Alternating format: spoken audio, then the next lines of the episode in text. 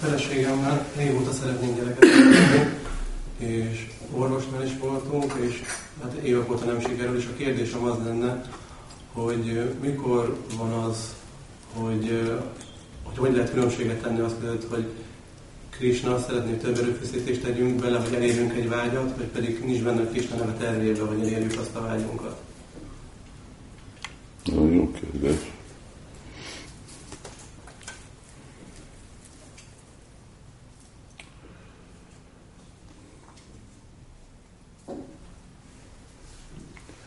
Hát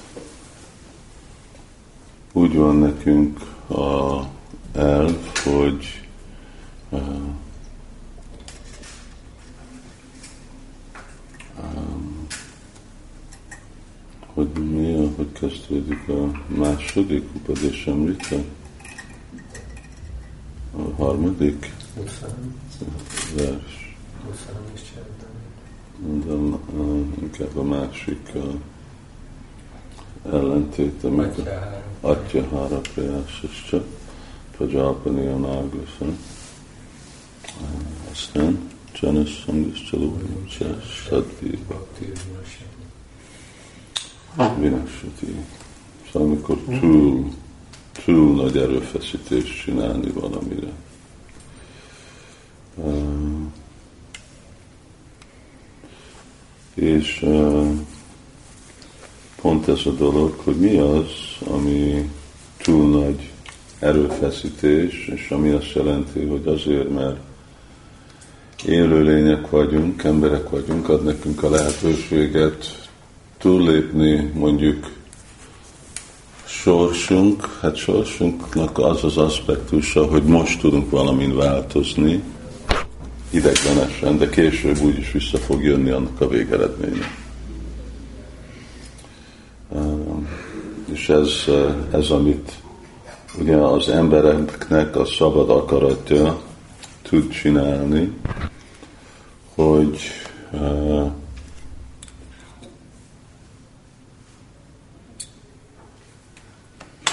mind uh, Gandhari, ugye ő akart előbb szülni gyereket, mint Kunti, és de nem sikerült, de még mindig úgy azért megverte a mélyét, és akkor meg nem egy gyerek született, hanem inkább csak egy darab hús, és, és akkor azt meg száz részbe felvágták, és rakták edényekbe gível, aztán biztos arra mentek másféle mantrák is, és akkor, akkor meg uh, született, születtek gyerekek, száz gyerek. De több dolog ugye volt, szóval ő először nehezen szült neki gyerek, aztán végre úgy megtörtént, és amit ő akart, hogy legyen király, és akkor, de nem az volt a sors, hogy legyen király. Ideglenesen lett, de végre nem lett, szóval Duryodhana. És uh, ugye arra még egy figyelmeztetést kapott, uh, amikor Vidura megmondta, amikor született, Vidura megmondta, hogy ez nem egy uh, jámbor élőlény igazából, ez egy fiad, ez egy démon, inkább jobb, hogyha megölöd. Úgy látszik, olyan dolgok voltak akkor. És de akkor se akart elfogadni, hogy mi a sors, hanem így vitatkozni a, a, a sorssal és akkor bele tudott avatkozni, mert úgy egyféle király lett Duryodhan egy időig, de a végeredmény az volt, hogy úgyis meghalt. Igaz, igazi király sose nem lett, mert mindig Dhritarashtra király, és aztán végre persze, akinek igazából a sorsa volt király lenni, joga, Judisthir Marsnak, ő lett a király. Szóval mik a jelek az, ami eh, mondja, és akkor ja, itt csak úgy egy röviden képet adsz, de neked akkor meg kell mérni, hogy hány jelet kaptunk, és hogy elég tiszta az, hogy ez a jel most Krisnának a jele, és akkor elfogadom. Vagy uh, megnézem, hogy uh, igazából van még ennek több uh, jogi uh, hatása, uh, hogyha jogos, akkor fog történni, lehet, hogy ugye megvalósul visszahatás nélkül. Hogyha nem jogos, akkor a jövőbe úgyis meg lesz az, ami a sorsnak kell, hogy legyen. Mind uh, Csitakétu Maharaj egy másik példa, ugye? Szóval, hogyha valakinek 10 millió felesége van, és egy gyereke nincs, akkor ez a sors.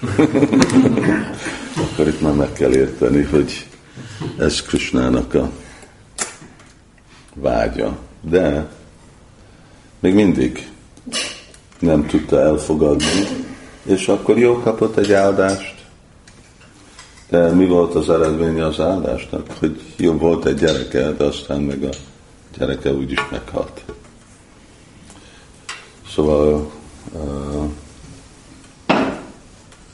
nem, nem lehet a sorson változni, a karmánkon változni, uh, abszolút szempontból. Lehet így jobbra-balra húzni egy kicsit, de amire, ami kell, hogy történjen, az kell történni, és akkor ez a ez igazi bölcsesség, hogy próbálni megérteni, hogy igazából nekem mi, mi a jogom, és ez, ez amivel kezdődik is a pálisát, hogy Isa, vagy Samidam szalvam. Mindenkinek van egy kótája. Mi az én kótám?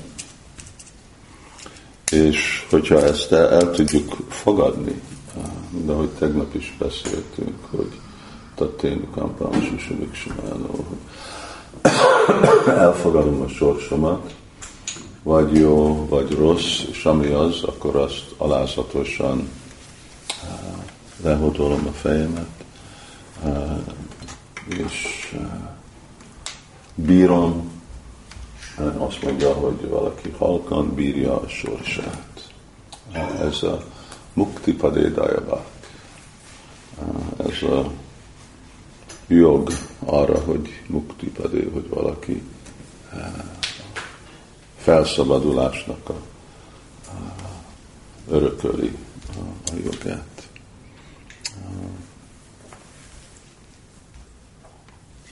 És uh, szóval ez ilyen jó kérdés, mert általános kérdés, ugye itt ehhez a témához kapcsolódik, de sokszor mi is ugye, valami, valami jön egyértelműleg, valami jó vagy rossz, ami úgy, és visszajön, láthatjuk, hogy egy ilyen, hát mint ahogy tudod, emberek, emberek születnek egyféle arccal, vagy testtel, és most ez egy hihetetlenül nagy divat férfiak, nőkkel, az elkényeztetett nyugati világgal, hogy ilyenféle, mi az plastic surgery? Plastic Igen. Szóval minden, a testüket, az arcukat, az órukat, a fülüket, a szájukat, a minden, hogy szebben néznek ki, gondolják, hogy akkor boldog leszek. De nem lesznek boldogok nem leszel boldog, hogyha másképp úgy nézel ki, nem tudom, én, én időmben akkor úgy volt, hogy Elizabeth Taylor volt a legszebb nő a világon, anyagi szempontból, de van kilenc férje volt, hát akkor, akkor a szépség nem volt kapcsolódva a boldogsággal, nem tudott elégedett lenni senkivel. És a végeredmény, hogy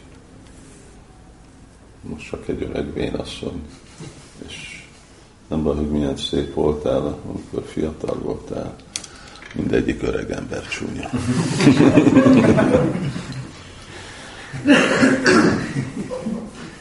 Azért nem öregszik Krishna. Nehogy jóban mindig, mindig fiatal marad. Prabhupád is mondtam, amikor én fiatal voltam, akkor csinos ember voltam, nem most így, így néz ki ez a, ez a kor. És ugye akarják emberek elkerülni, nem tudod elkerülni. Ilyen, ilyen a világ. Az, az jó. Igen, köszönöm szépen. Akkor menjünk a